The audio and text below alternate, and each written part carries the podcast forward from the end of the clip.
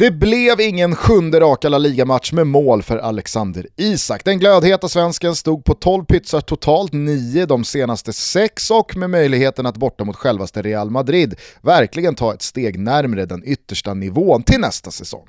Men La Cruta var inte Torro.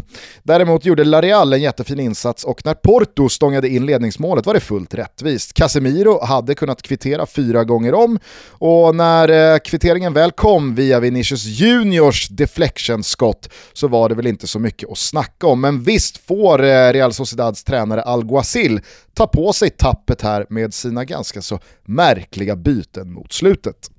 Tappade Real Madrid-pinnar toppade av en kanonhelg för serieledande Atleti som stånkigt, brunkigt och långt ifrån vackert slog Villarreal på bortaplan och bärgade blytunga tre poäng att sätta in på kontot.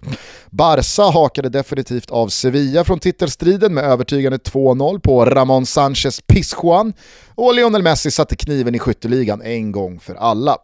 Vi tar oss till eh, England där Chelsea och Manchester United återigen spelade 0-0 i en ganska dålig fotbollsmatch. Känslorna efteråt handlade om Uniteds uteblivna straff, men som hans regeln numera lyder, tror du att eh, det du ser ska innebära en 11 meters spark så ska det inte vara straff. Och så tvärtom. Fnyser du åt vad ögonen tar in och bara skakar på huvudet så kommer konsekvensen med största sannolikhet att bli stralle och eventuellt även rött kort. En poäng vardera tajtade hur som helst till kampen om Champions League-platserna då Leicester åkte på en käftsmäll hemma mot ett roterat Arsenal. Liverpool slog Sheffield United och West Ham föll tappert borta mot Manchester City som tog sin 20 raka tävlingsseger bisarrt.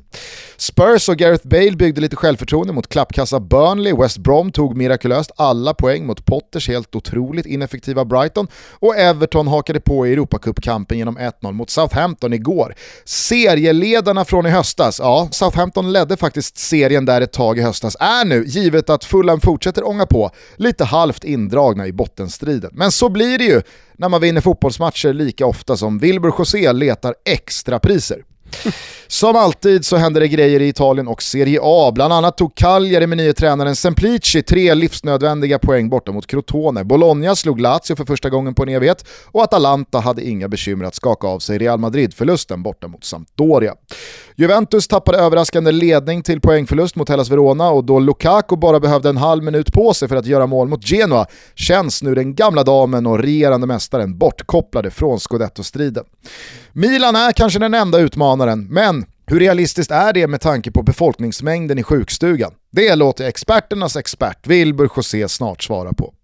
Segern mot Roma var i alla fall imponerande och var det något jag såg på Stadio Olympicos gräsmatta och lämnades med så var det ett lag som inte tänker ge sig utan strid och ett lag som lite för enkelt viker in den och viftar vit flagg när det börjar blåsa snålt.